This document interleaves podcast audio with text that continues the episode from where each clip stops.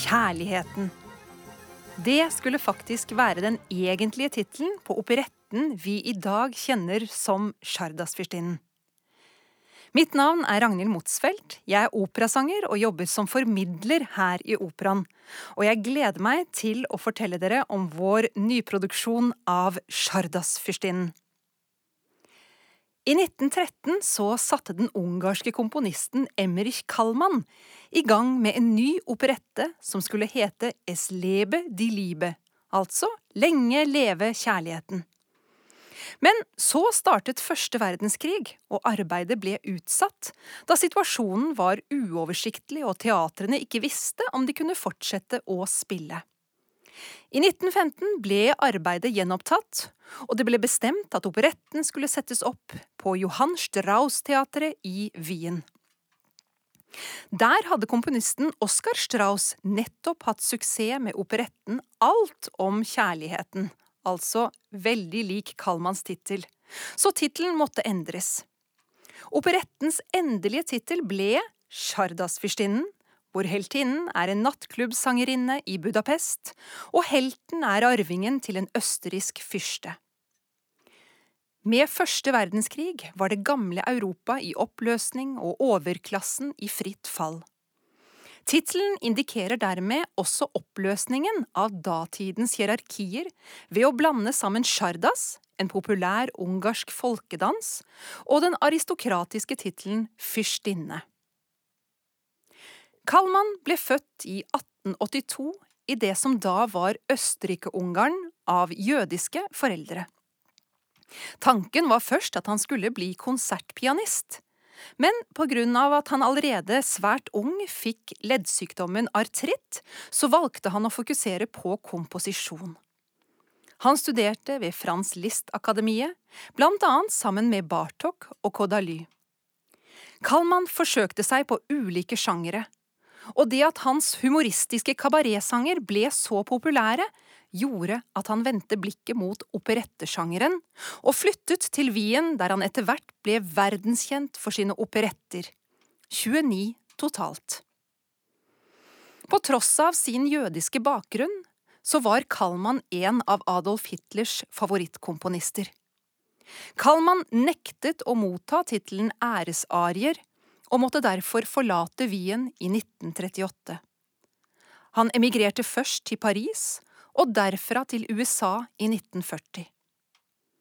I Nazi-Tyskland ble alle hans operetter derfor forbudt. Kallmann vendte tilbake til Europa i 1945 og bosatte seg i Paris.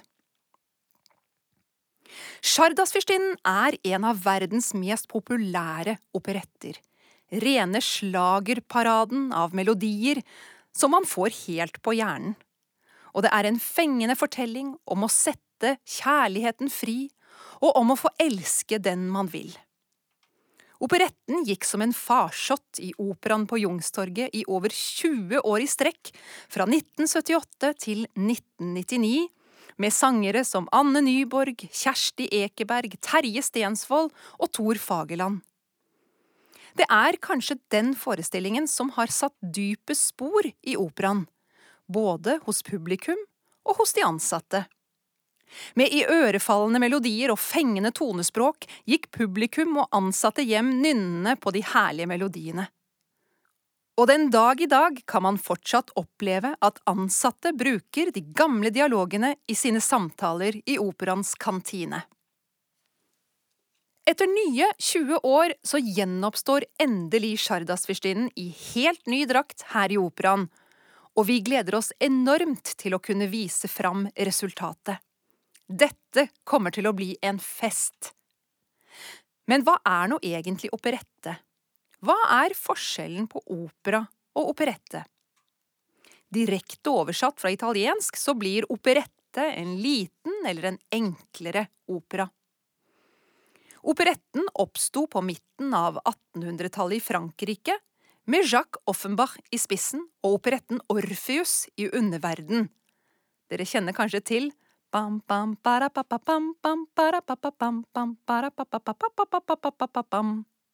den rakk vi å spille hele to forestillinger av i fjor, før landet nok en gang stengte ned. På 1870-tallet så fikk Wien sin egen operettestil, med komponister som Frans von Suppé og Johan Strauss den yngre. Rundt århundreskiftet så brakte komponister som Lehar og Kallmann inn noe nytt til operetten. Musikk inspirert av folkemusikk fra Ungarn og Balkan, som for eksempel Sjardasen. Sjardas er en tradisjonell ungarsk dans som danses i to fjerdedels takt eller fire fjerdedels takt. Dansen starter langsomt og ender i et forrykende tempo.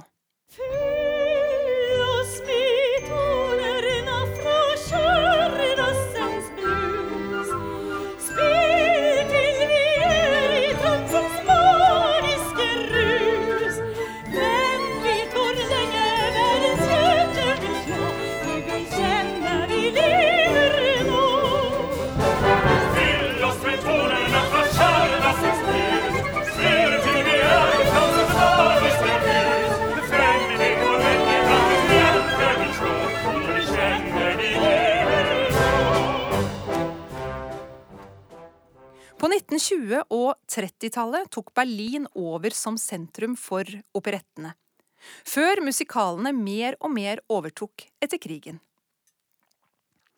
Det som skiller operetten fra opera, er at den blander sanger og andre musikalske numre med talte dialoger og dans. Operetten er satirisk og morsom, og er som oftest mye kortere og mindre kompleks enn tradisjonell opera. Mens opera på operettens tid først og fremst var forbeholdt subsidierte statlige teatre, ble operette fremført i kommersielle teatre for profitt.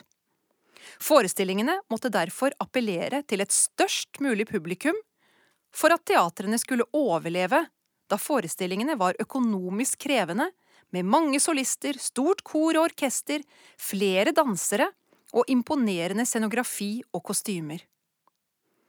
Operettene balanserte sosial virkelighet og romantisk idealisme. Karakterene på scenen var glamorøse, rike og lykkelige på måter som var utilgjengelige for størsteparten av publikummet. Og likevel snakket problemene stykket fikk dem til å møte, til deres daglige bekymringer. Det sies at gode operetter er godt likt av publikum, men enda bedre likt av operahusets økonomisjef. Det er sjelden noen skurker med i operettene.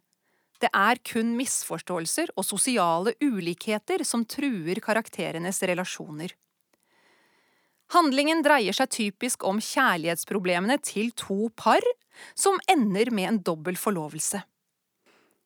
Vanligvis har det første paret mer livserfaring og scenene deres får en noe mer alvorlig tone.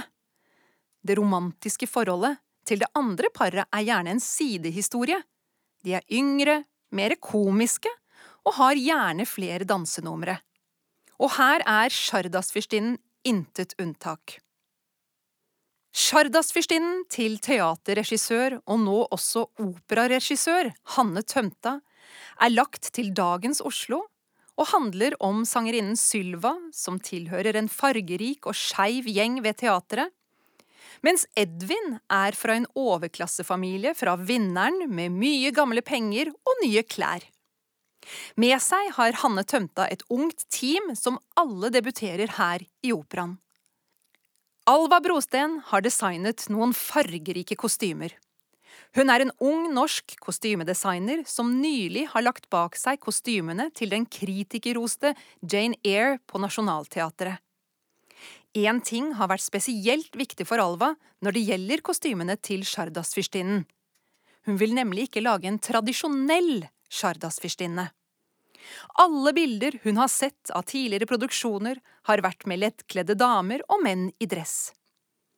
Med sine nye kostymer ønsker hun å viske ut skillet på dame- og herrekostymer. Også koreograf Jonas Øren er en ung og fremadstormende koreograf. Og akkurat som da operettene ble skrevet, har han valgt å legge inn populære danser, som i 2022 er TikTok-koreografi. Med seg har han seks samtidsdansere fra det frie scenekunstfeltet. På tross av ulikhetene så forelsker selvsagt Sylva og Edvin seg i hverandre. Noe som overhodet ikke faller i smak hos Edvins foreldre. De har allerede lagt planer om et storslagent bryllup med Anastasia von Eggenberg, eller bare kalt Stasi. Stasi kommer fra en fin familie, men hun er egentlig ikke interessert i Edvin. Selv om vår forrige Sjardasfürstinne var en publikumssuksess, så fikk den faktisk ganske mye slakt av pressen etter premieren i 1978. Dagbladet skrev blant annet Hva i all verden skal vi med wienerske baroner på Jungstorget i 1978, og det med premiere dagen etter 1. mai? Så allerede her tenker jeg det er greit å snakke om hvorfor vi egentlig setter opp Sjardasfyrstinnen. Hva har den å si oss i dag? Eller er det kun på grunn av de eviggrønne melodiene at vi setter den opp? Nei, faktisk så er den også tematisk fremdeles ganske så relevant. Hovedproblematikken, om man kan si det slik, i historien er jo at de to som elsker hverandre, Sylva og Edvin, ikke kan få hverandre. I den opprinnelige historien er det på grunn av klasseforskjell.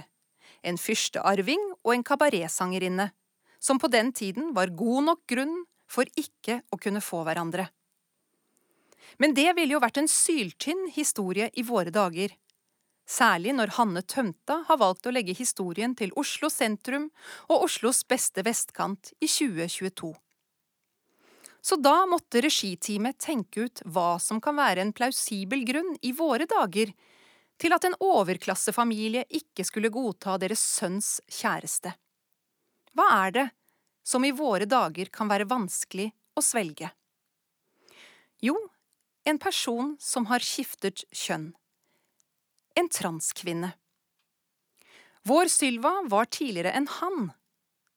Men det bryr ikke Edvin seg om. Sylva er kvinnen i hans liv, og dermed basta. Meistra!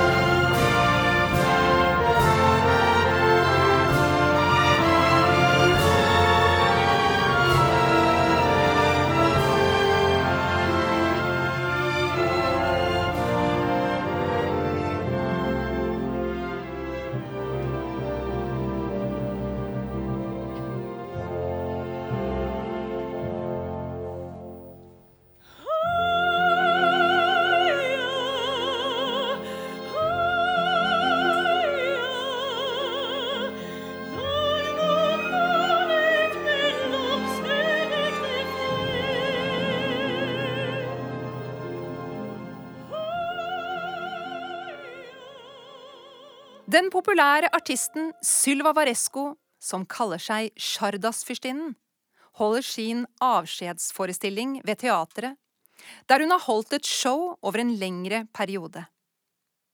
Sammen med Bonnie, sin agent, står hun på reisefot til New York.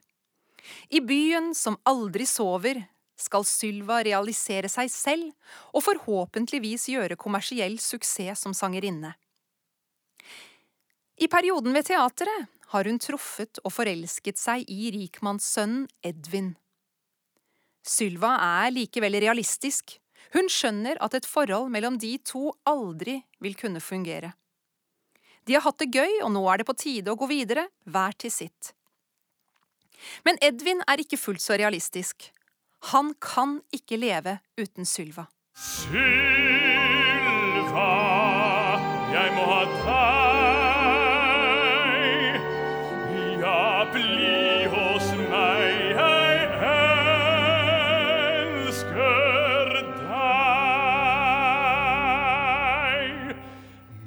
Kan bli forelsket ofte, noen er et sidesprang. Denne gangen er det alvor, vi har noe stort på gang. Jeg er rastest prøver, ta det rolig, ta tilbake den jeg var. Men en stemme hvisker ømt fortrolig, du har funnet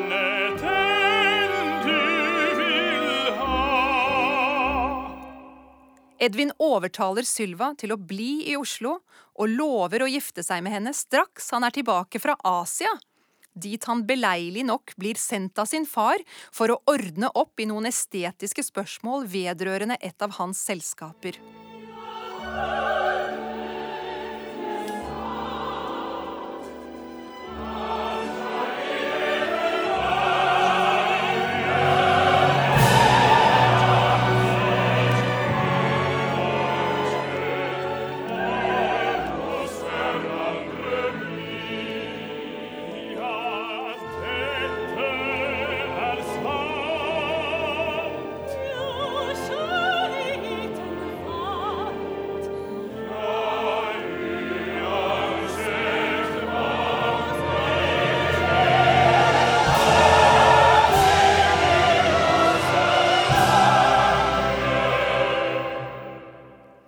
Etter at Edvin har reist, får Sylva vite, gjennom Boni, at Edvin visstnok allerede er forlovet med denne Stasi.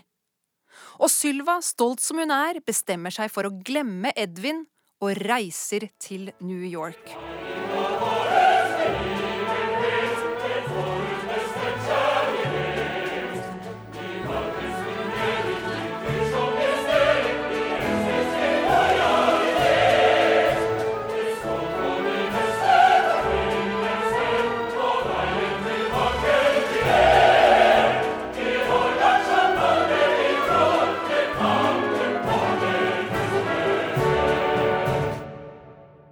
Måneder har gått, og i andre akt gjøres det klart til forlovelsesfest hjemme hos Edvins foreldre. Edvin og rikmannsdatteren Stasi har kjent hverandre siden de var barn. Det er ingen egentlig tiltrekning mellom dem, men de er gode venner og har det gøy sammen. Stasi har ikke funnet drømmemannen, og tenker at hun like gjerne kan inngå en sosial kontrakt med Edvin.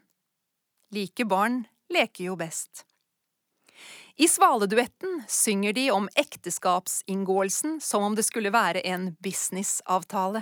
Jeg skulle funnet drømmemannen, tralala, og opplevd litt magi. Han fins ikke i virkeligheten, tralala. Her gjelder strategi. Å gifte seg kan bli fantastisk, tralala, og få sin. Ja, det er sikkert fint i starten, tralala. Men man kan fort få nok. Jeg frykter ikke tåsomheten, tralala. Jeg har min selvstendighet som før. Jeg må ha nok alenetid, tralala. Når frihetstrangen klør. I New York har det vel ikke gått helt etter planen, samtidig som at Sylva ikke har klart å glemme Edvin. Hun har derfor reist tilbake og bestemt seg for å krasje forlovelsesfesten, og der får hun agenten Boni med på å late som om de to har giftet seg, og presenterer seg som fru Boni Canciano. En som bare ligner veldig på den kjente Shardas-fyrstinnen. Idet Edvins far, fyrsten, introduserer dem for Stasi, altså Edvins forlovede, så treffer Cupidos piler Boni og Stasi midt i brystet. Her er det kjærlighet ved første blikk. Edvin kjenner selvsagt igjen Sylva med en gang. Og de anklager begge hverandre for å ha kastet bort så altfor fort det de to hadde sammen, som var noe helt spesielt. Og de drømmer tilbake til den tiden de traff hverandre ved teatret. Men tenk om vi kunne skru tiden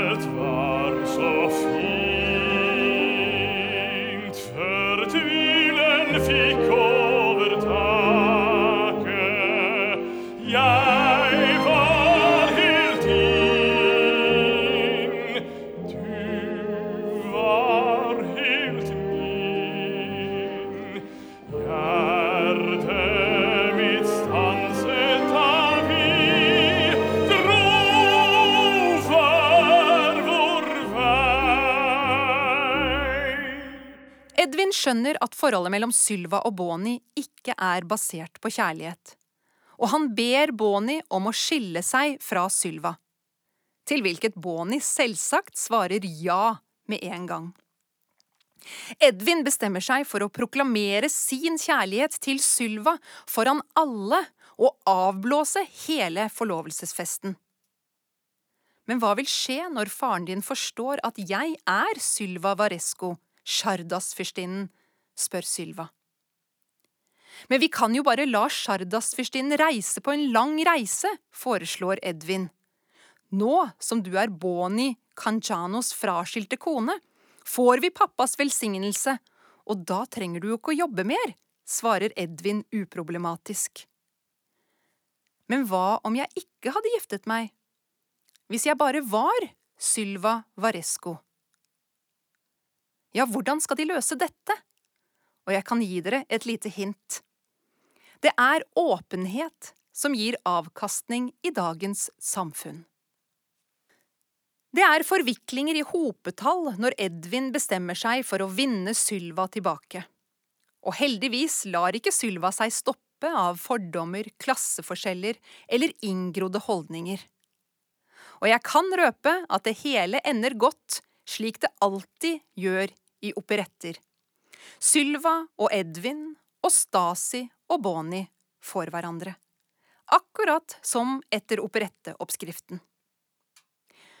Det ligger et visst vemod under alt det overfladiske fjaset i Sjardasfyrstinnen. Så selv om det er en morsom handling, så handler stykket samtidig om den såre skammen over ikke å være bra nok.